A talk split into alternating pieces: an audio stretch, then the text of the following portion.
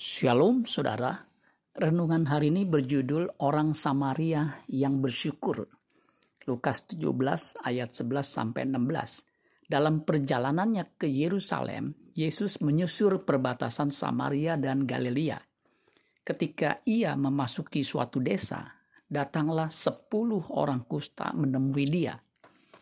Mereka tinggal berdiri agak jauh dan berteriak, Yesus, Guru, kasihanilah kami.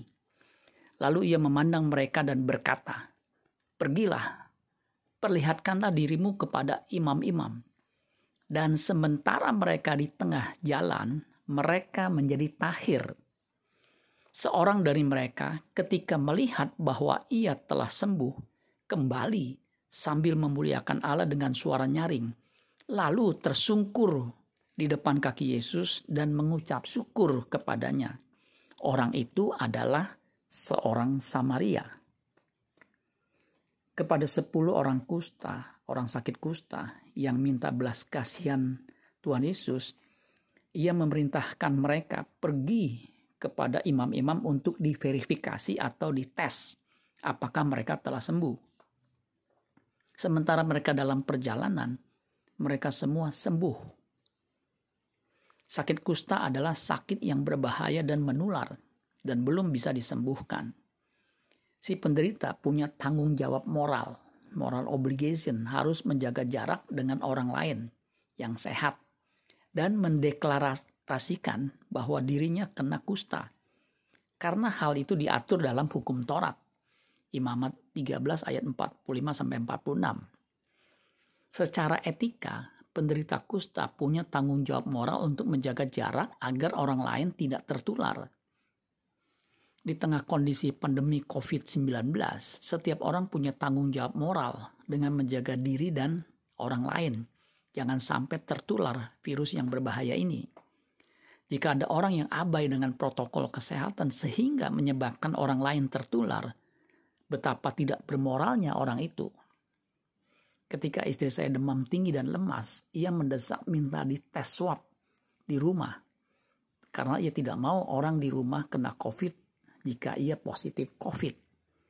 Dengan dites, ada kepastian untuk tindakan selanjutnya. Tanpa verifikasi dari laboratorium, kita tidak tahu kondisi yang bersangkutan apakah pembawa virus atau tidak. Puji Tuhan, hasil tes swab ternyata negatif dalam perjalanan ke imam-imam, ternyata 10 orang kusta tersebut semuanya sembuh.